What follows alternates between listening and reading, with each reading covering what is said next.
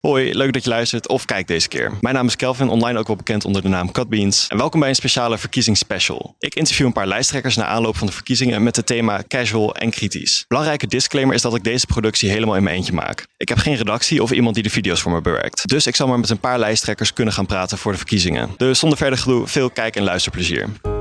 Ehm, ja, ik had echt best wel wat vragen Ja. ehm, voorbereid. Alleen, ik, ik, we zitten nu dus eh, op de fractie bij Volt. En ik zag hier achter me allemaal boeken. En er kwam een nieuwe vraag tot me, gewoon om, om een beetje het ijs te breken ook. Wat is een beetje het boek wat je echt het meest heeft veranderd?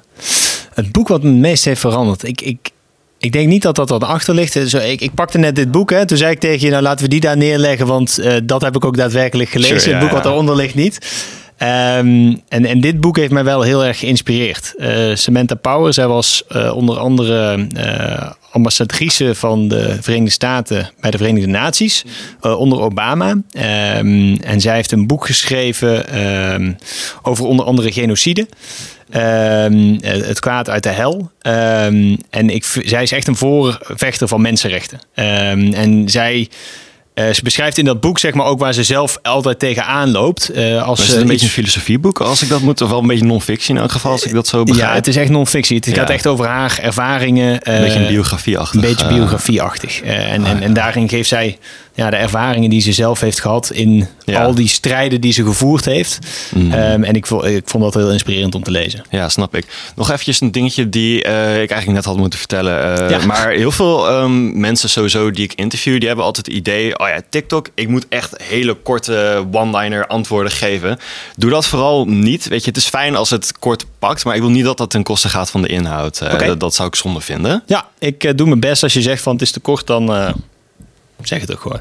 is helemaal prima. Wat is de laatste keer dat je van mening bent veranderd? Van mening. Ja. is het, Ehm, je trouwens je of u? Ja, je, je, je. Alsjeblieft.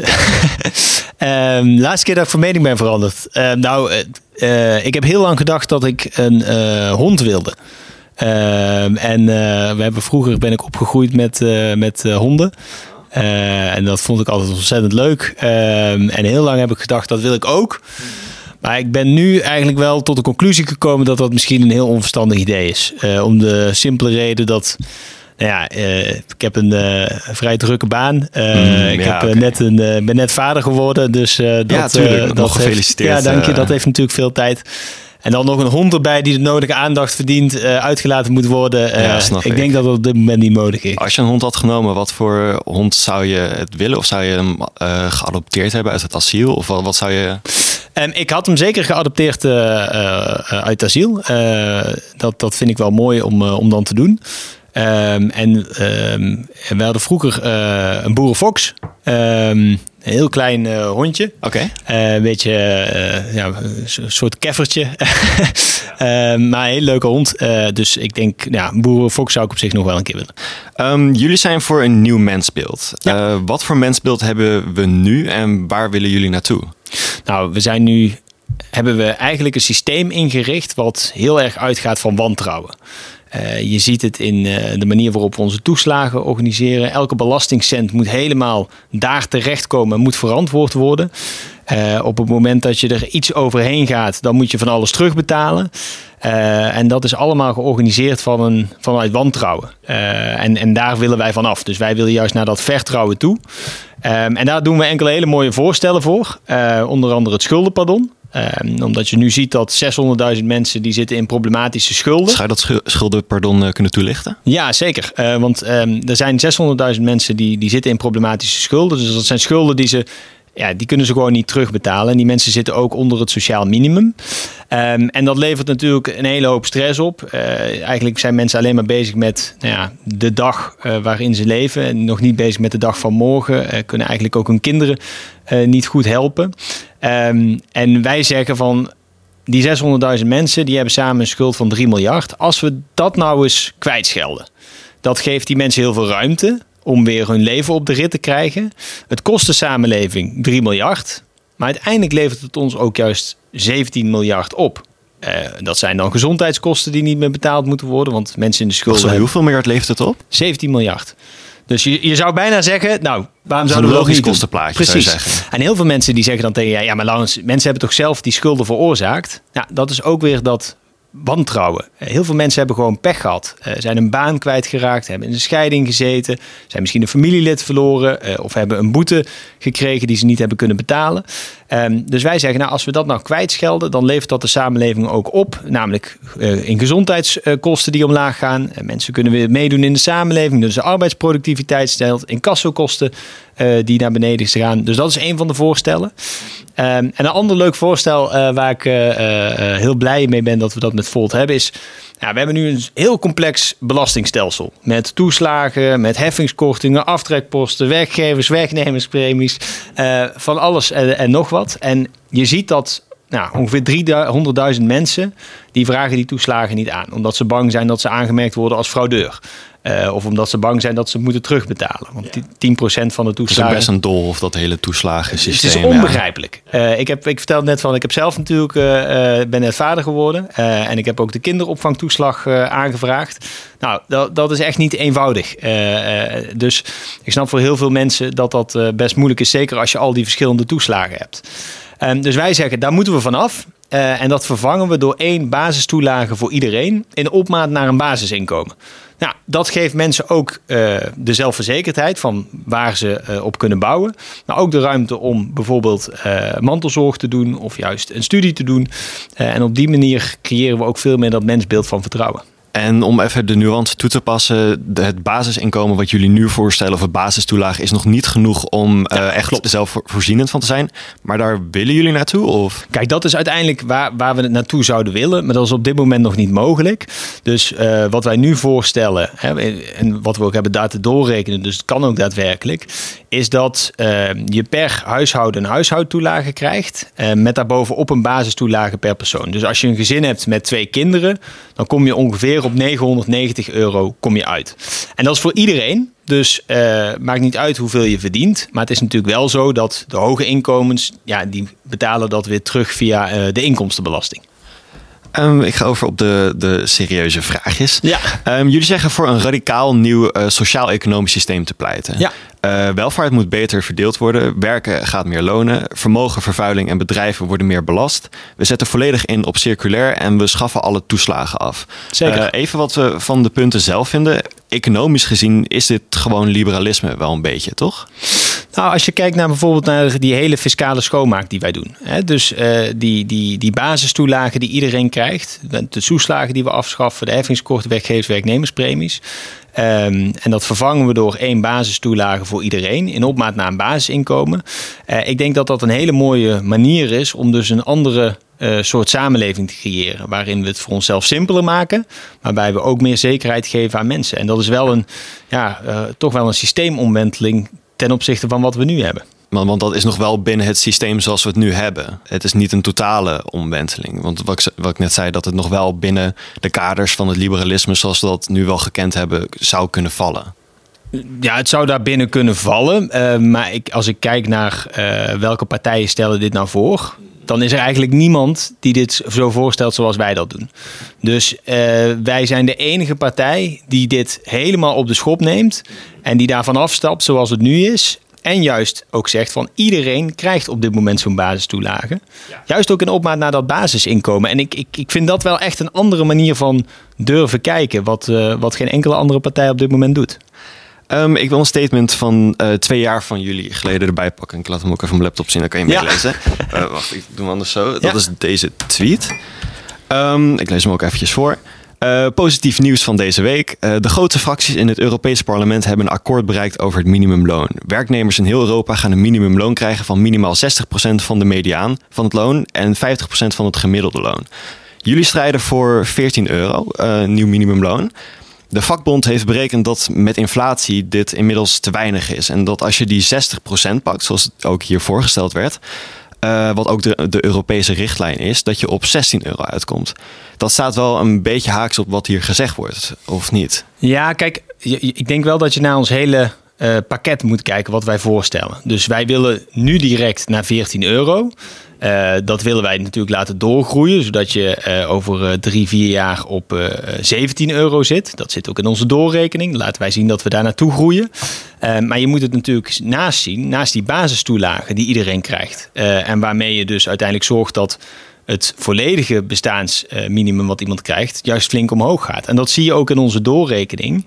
Uh, Volt is de partij waarbij armoede uh, verder daalt dan bijvoorbeeld Partij van de Arbeid GroenLinks. Dus daarin laten wij zien dat juist het hele uh, plaatje van ons ja. um, hier heel erg aan voldoet. Maar um, moet je me corrigeren als ik het fout heb. Maar ja. ik had ook een podcast geluisterd, de Rudy en Freddy Show, waar het ja, gast was. En daar vertelde je ook dat het nog wel even kan duren voordat zo'n basistoelage gerealiseerd is. Dan is het toch ook wel logisch om in de tussentijd het minimumloon wel te verhogen, waardoor mensen er wel gewoon fatsoenlijk van kunnen leven in de tussentijd. En dan later zou je het misschien wel kunnen corrigeren als je het zou willen. Maar voor op het korte termijn lijkt het me wel misschien een logische stap. Nou, dus daarom hè, zeggen we ook van we moeten nu naar 14 euro. Uh, en dat moet maar zo de snel. Maar zegt dat dat te weinig zou zijn. Ja, maar daarin moeten we ook kijken naar wat kunnen kleine ondernemers uh, en ondernemers uh, uiteindelijk betalen. want als je te snel het minimumloon omhoog gooit, dan gaat het dat uiteindelijk ten koste ook weer van de mensen die het minimumloon ontvangen. Dus daarom zeggen we ook van we moeten daar naartoe groeien uh, en dat zo snel mogelijk realiseren. Maar is ons doel om dat in 2028 naar 17 euro te brengen. Zou, zou je dat iets meer kunnen uitlichten uh, met betrekking tot ondernemingen? Waarom zou dat voor hun nadelig zijn? Nou, kijk, als je een kleine onderneming hebt um, en je hebt natuurlijk uh, de, de kosten voor personeel. Uh, voor medewerkers, nou, dan wil je natuurlijk dat eigenlijk die mensen zo goed mogelijk betaald krijgen. Maar als je dan in één keer het bedrag heel flink moet omhogen, dan kan dat zijn dat uiteindelijk de onderneming daar aan ondernoor gaat.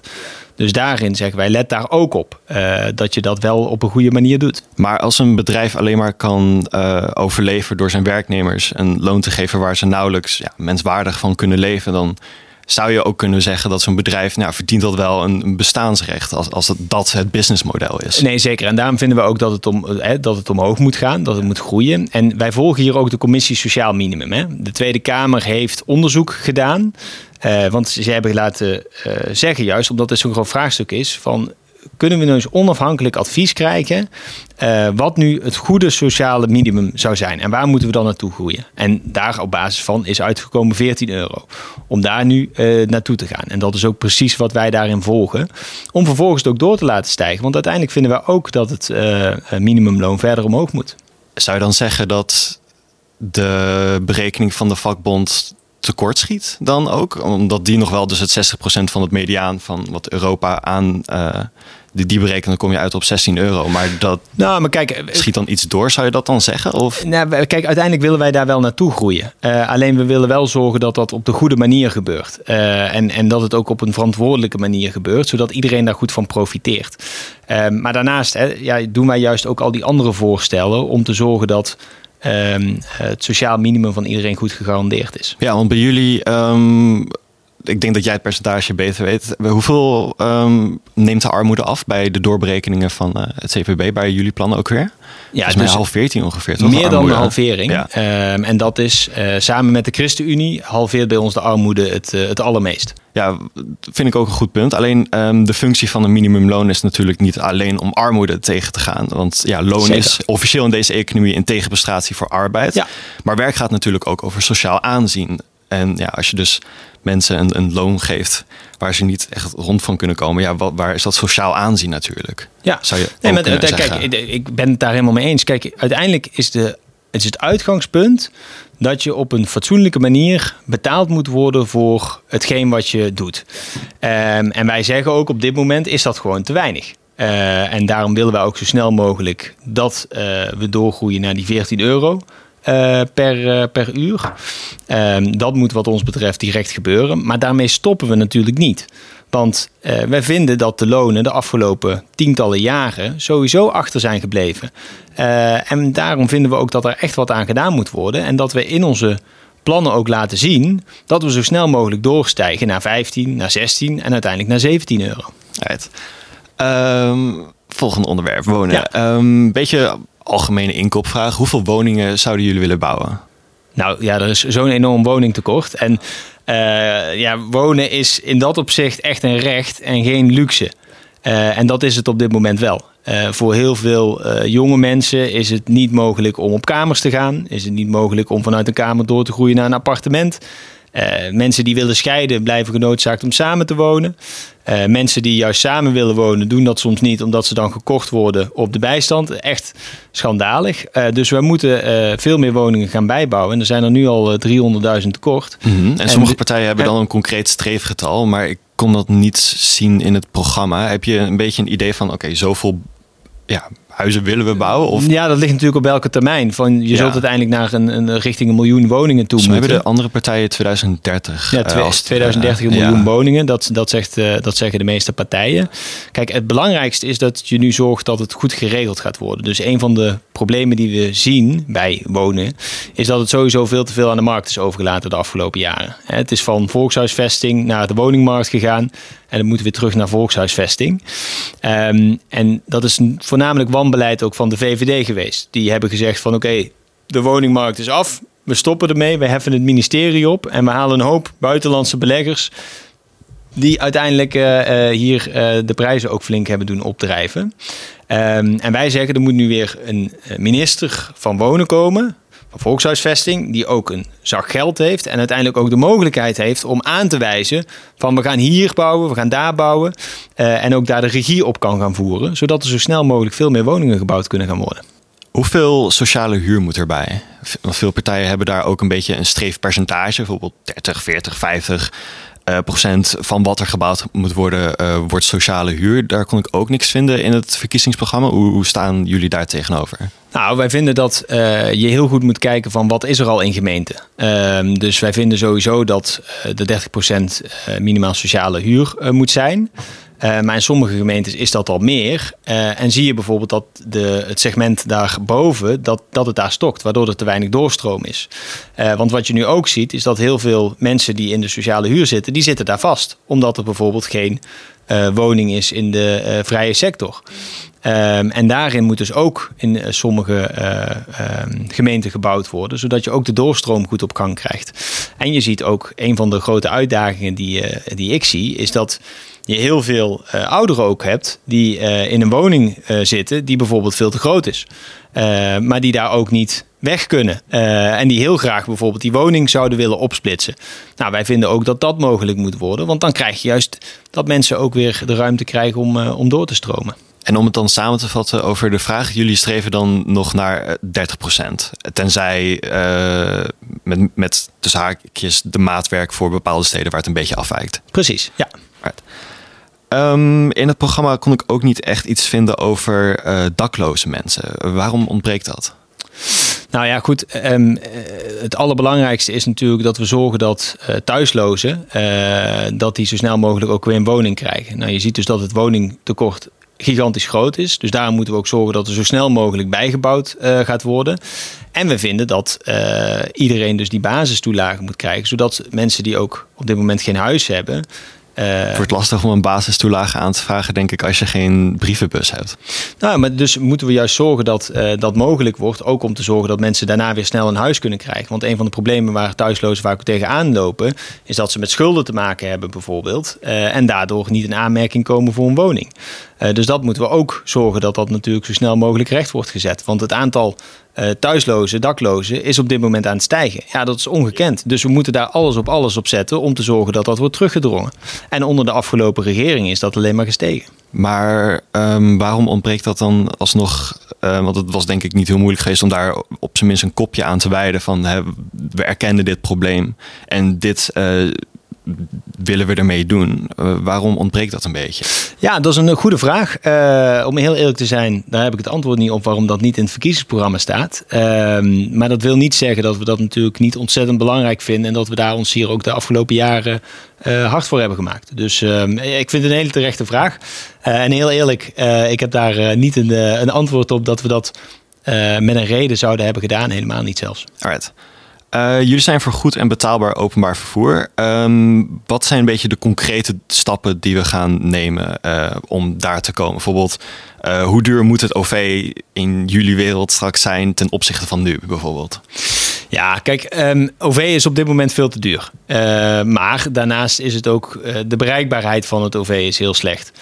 Ja. Um, dus wij investeren eigenlijk al het geld wat nu onder andere naar uh, de verdere uitbreiding van het wegennet gaat, dat buigen wij helemaal om naar openbaar vervoer. Dus wij gaan daar helemaal veel en veel meer in investeren. Er is geen enkele partij die zoveel in OV gaat investeren als dat voldoet. Omdat wij vinden, OV is de mobiliteit van de toekomst.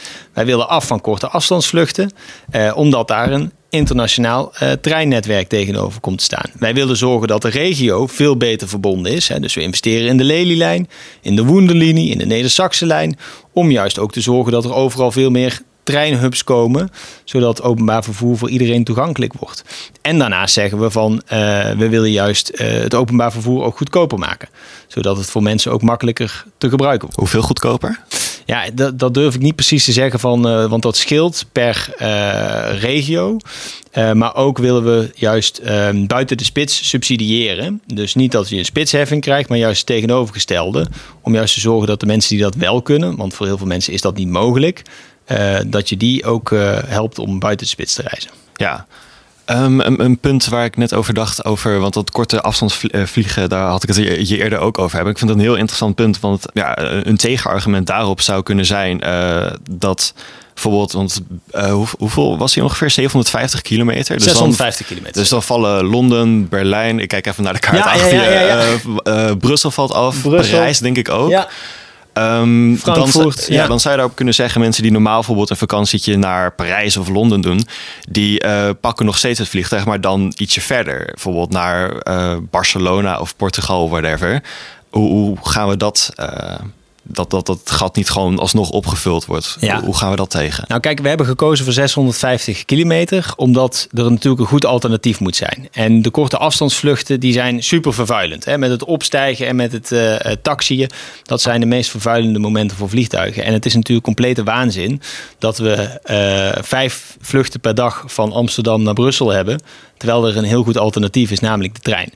Um, dus we hebben gekeken van waar zitten de alternatieven en hoe kunnen we nu al dan uh, zorgen dat we die vluchten uiteindelijk gaan stoppen. Um, terechte vraag die je stelt van ja oké, okay, maar gaan mensen dan niet verder vliegen? Ik denk het niet, uh, want heel veel mensen die van Amsterdam naar Brussel vliegen, dat zijn vaak zakenmensen. Uh, dat zijn niet mensen die uh, op vakantie gaan. Heb je daar toevallig ook percentages van nou, om geen, een beeld te schetsen? Heb ik geen percentages okay. van. Um, uh, maar een van de andere voorstellen die wij doen... is dat je, hoe verder je vliegt, hoe groter je vliegbelasting is. Dus als jij van Amsterdam naar Barcelona vliegt... dan betaal je een extra vliegtax. maar als jij bijvoorbeeld naar Sydney zou vliegen dan zou je een extra vliegtax uh, betalen. En dat geld, geld willen wij ook weer investeren in de verduurzaming van de luchtvaart, maar ook juist in dat treinennetwerk. Dus een beetje een progressieve tax. Uh, ja, met zeker. Vliegen. Ja. Want kijk, klimaatverandering is hier en nu. En we kunnen niet meer wachten om daar echt ook hardere maatregelen voor te nemen. Ja. ja en dan is het niet meer te verantwoorden dat er nog zoveel uh, korte afstandsvluchten op dit moment zijn. Bijna een derde van de vluchten op Schiphol is dat. En laten we wel wezen, um, ongeveer 8% van de mensen is verantwoordelijk voor 40% van de vluchten. Dus uh, uiteindelijk. Uh, wordt er altijd... Raak je maar een kleine groep, maar bereik je wel veel. Precies. Uh, en dat zijn vaak de veelvliegers. Hm. Waar ben je het meest trots op dat je bereikt hebt in de Kamer? Um, nou, mag ik twee dingen noemen? Dat mag. Ik, ik, ik heb er meer, maar uh, het zijn twee dingen die ik wel echt uh, uh, heel leuk vind en ook goed vond. Kijk, het is sinds ik in de Kamer zit heel vaak over bestuurscultuur gegaan. maar er zijn eigenlijk nooit initiatieven voor uh, geweest. Hoe ga je dan die bestuurscultuur uh, veranderen? Nou, daar hebben wij samen met Pieter Omtzigt hebben daar heel veel voorstellen voor gedaan. Om dat handen en voeten te geven. Um, en een ander voorstel uh, wat heel positief is en wat ook echt goed is, is... Ja, um, we hebben nu met de inflatie gezien dat heel veel kinderen met een lege maag naar school gaan. En daar hebben wij gezorgd dat er gratis schoolmaaltijden komen. Uh, juist om te zorgen dat iedereen met een gevulde maag op school kan zitten. Maar ook uh, helpt dat tegen het pesten, omdat je juist gezamenlijk aan het eten bent. Gezonde voeding, uh, waar kinderen mee leren opvoeden. Dus dat, ja, dat vind ik wel echt heel tof. Nice. jullie willen het klimaatbeleid rechtvaardig maken met Ja. de opbrengsten van belastingen en heffing op vervuiling. Maar um, ook hier de concrete stappen zag ik nog niet heel terugkomen in het programma. Wat voor uh, waar moeten we een beetje aan denken? Wat voor echt concrete maatregelen om het rechtvaardig te maken? Nou ja, je ziet nu dat ehm, de, de zware vervuilers eigenlijk nog amper belast worden. Uh, dat willen wij gaan zorgen dat de vervuiler dat die veel meer gaat betalen. En dat dat geld dus ook gebruikt wordt om uiteindelijk te zorgen dat we de transitie kunnen maken naar de groene economie. Uh, dat we naar een schone en gezonde leefomgeving kunnen. Dat de lucht uh, niet meer vervuild wordt. Dat het water niet meer vervuild wordt. En bijvoorbeeld één voorbeeld is dat je nu grootverbruikers van water die betalen net zoveel belasting over uh, leidingwater als dat een gezin doet. Mm, ja. ja, dat is van de zotte. Uh, terwijl ze veel meer water gebruiken. Uh, hetzelfde geldt met kerosine. ja, daar betalen we nog steeds geen belasting over. Dus daarvan zeggen wij, dat moeten we zwaarder gaan belasten. Maar met dat geld, wat gaan we dan doen voor de ja, lagere en middeninkomens? Zodat nou, ons van, te helpen omschakelen. Ja, een van de belangrijke punten is natuurlijk... hoe gaan we zorgen dat we zo snel mogelijk huizen isoleren? Uh, dus ik krijg heel veel vragen terecht van mensen die zeggen: ja, ik wil wel zonnepanelen, of ik wil wel een warmtepomp, of ik wil mijn huis wel isoleren, maar ik heb gewoon het geld niet. En de subsidies, die moet ik altijd zelf voorschieten. Dus wij zeggen ook, nou, dat moet de overheid moet dat gaan voorschieten. En dan het geld wat ze besparen eh, via energiebesparing, daarvan zouden ze dan eh, de terugbetaling kunnen doen. Oké, dus we gaan uh, huishoudens subsidiëren voor het verduurzamen. Dus ook bijvoorbeeld als je een warmtepomp uh, erbij wil hebben. Ja, want dat is voor iedereen beter. Het is voor het klimaat beter. De energierekening gaat naar beneden. Ja, uh, ja en je wilt ook gewoon dat mensen kunnen verduurzamen. En dat ze daar niet bij belemmerd worden omdat ze op dat moment het geld niet hebben. Ja. Oké, ik haal dit stukje uit de introductie van het programma. Ja. Kleine landen bleken te makkelijk tegen elkaar uit te spelen door geopolitieke grootmachten en groot kapitaal. krijgen grote bedrijven te veel macht? Um, als we niet oppassen, dan, uh, dan is dat zeker zo. En ik denk dat dat in sommige gevallen nu al is. Uh, als je okay. kijkt naar uh, de grote techbedrijven in de wereld, ja, die hebben behoorlijk wat macht. En ik vind dat die te veel macht hebben. Dus daarom is het goed dat de Europese Unie met regelgeving ook komt om die macht in te perken. Maar kijk ook bijvoorbeeld naar belasting. Ze proberen altijd belasting te ontwijken. En als we niet gezamenlijk in Europa zeggen van oké, okay, er moet een minimumbelasting komen ja, dan gaan ze het elke keer proberen ze landen tegen elkaar uit te spelen. Dat moeten we met elkaar voorkomen. Heb je ook voorbeelden van uh, bedrijven die, of ja, bedrijven, organisaties in Nederland die misschien te machtig zouden zijn? Um, ja, dan, dan is wel even de vraag van wat, wat is te machtig? Dat is een semantische discussie, dus daarom leg ik hem bij jou hopende dat jij hem uh, interpreteert op jouw eigen manier. Ja, zo. Nou, um, uh, kijk, ik denk dat. even nadenken hoor. Mm -hmm. kijk, als je kijkt naar uh, uh, de manier hoe de landbouw nu ingericht is. Uh, je ziet dat grote bedrijven daar een bepaald belang bij hebben om de landbouw zoals die nu is in stand te houden. Um, en ik denk dat daar heel veel lobbymacht onder andere achter zit uh, om dat systeem dus in stand te houden. Nou, en ik denk dat die macht, uh, dat die op dit moment wel heel groot is, ja. Ja, uh, waarom kon ik niet echt in het programma iets vinden over het opbreken van die macht? Nou, kijk, wat wij willen is dat het veel transparanter gaat worden. Uh, wat transparanter? Hoe de toegang tot de macht geregeld is. Dus wat je nu ziet is bijvoorbeeld. heb je het over de macht in Den Haag? Of, want... Nee, nee, nee. Dus de macht uh, ook van bedrijven achter de schermen bijvoorbeeld. Dus bijvoorbeeld als je kijkt naar Shell. Ja. Uh, Shell heeft miljarden en miljarden verdiend in de afgelopen tijd. Um, en is eigenlijk moet een transitie maken naar duurzaamheid. En dan weten ze via uh, Rutte uh, weten ze 150.000, uh, 150 miljoen subsidie los te krijgen voor een waterstoffabriek.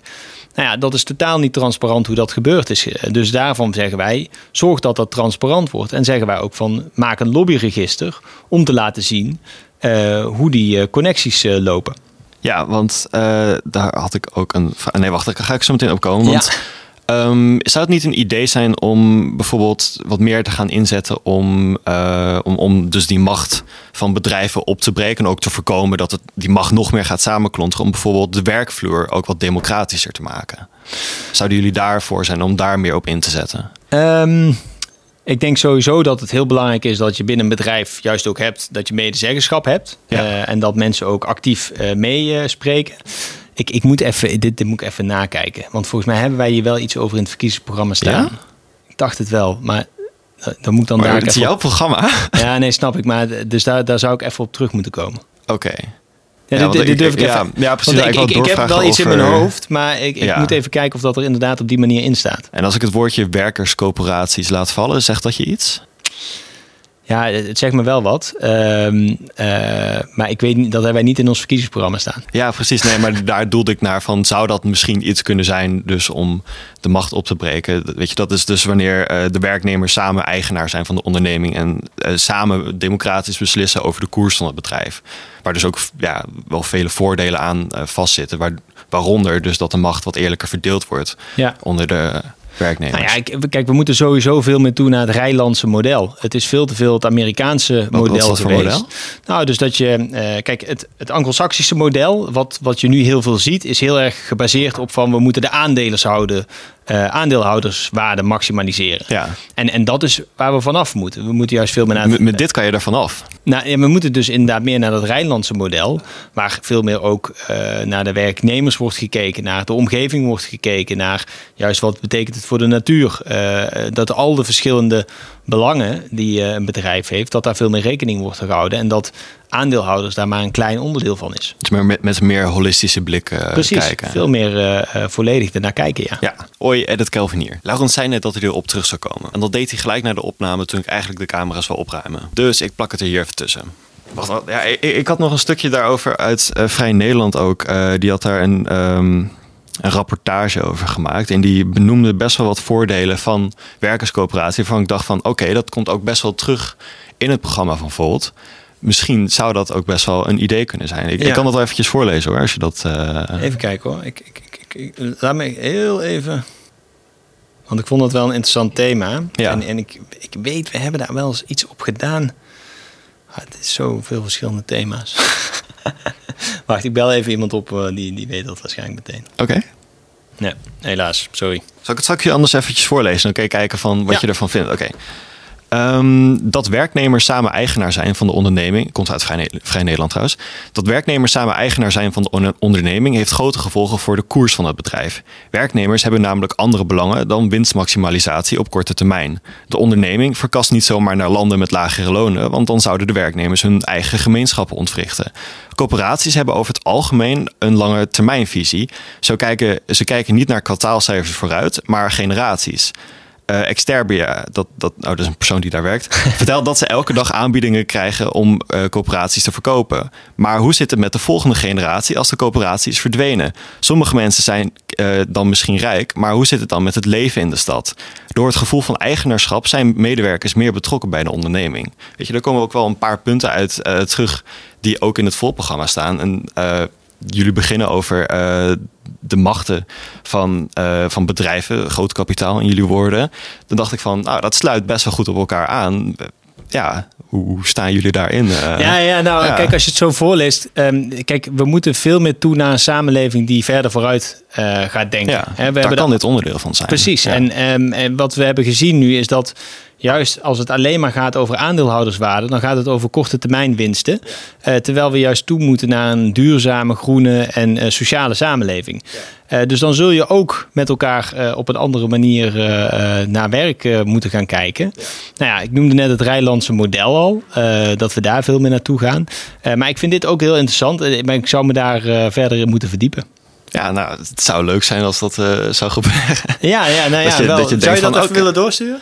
En nu weer terug naar de rest van het interview. Um, ja, jullie, uh, je begon er net zelf ook over, over een lobbyregister. Ja, Nieuwsuur kwam erachter dat jullie zelf niet helemaal transparant zijn over jullie uh, lobbycontact. Uh, en je zei dat, dat, dat daar afwegingen waren gemaakt om dat niet te doen. Waar, waarom was die afweging gemaakt om jullie lobbycontact niet op de website ergens te zetten?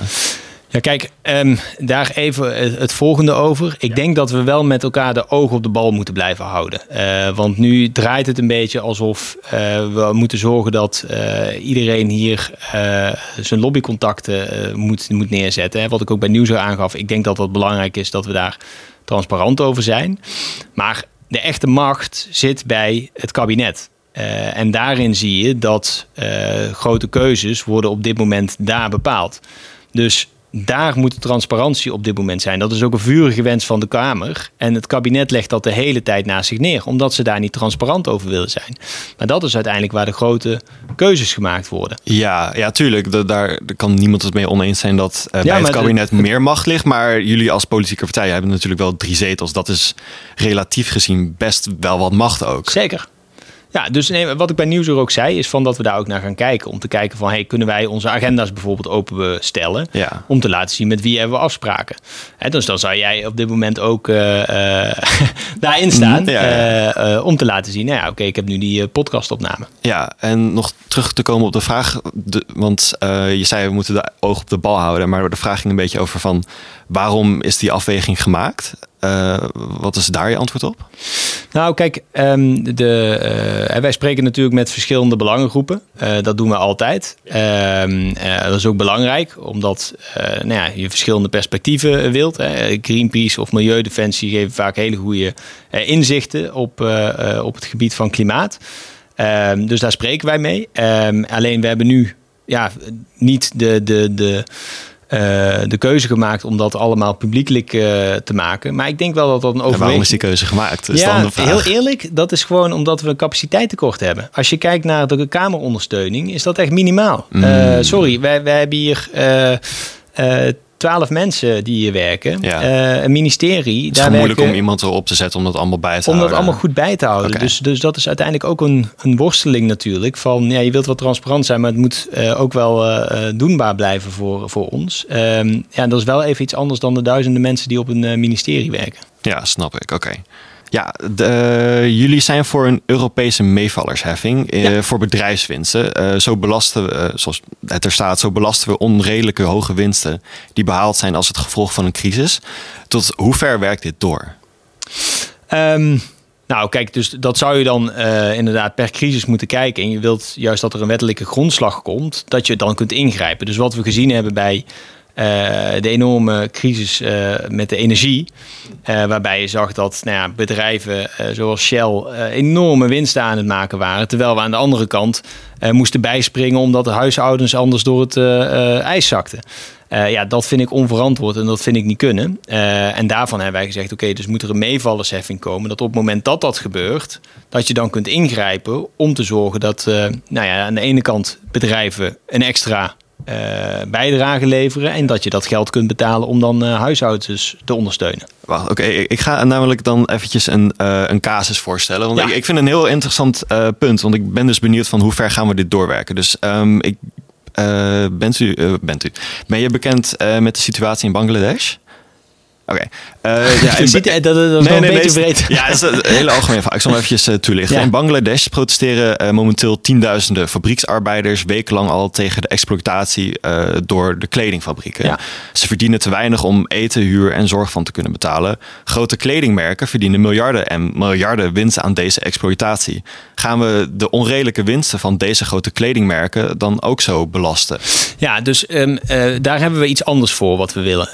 namelijk, wij zijn bezig met een wet voor internationaal maatschappelijk verantwoord ondernemen.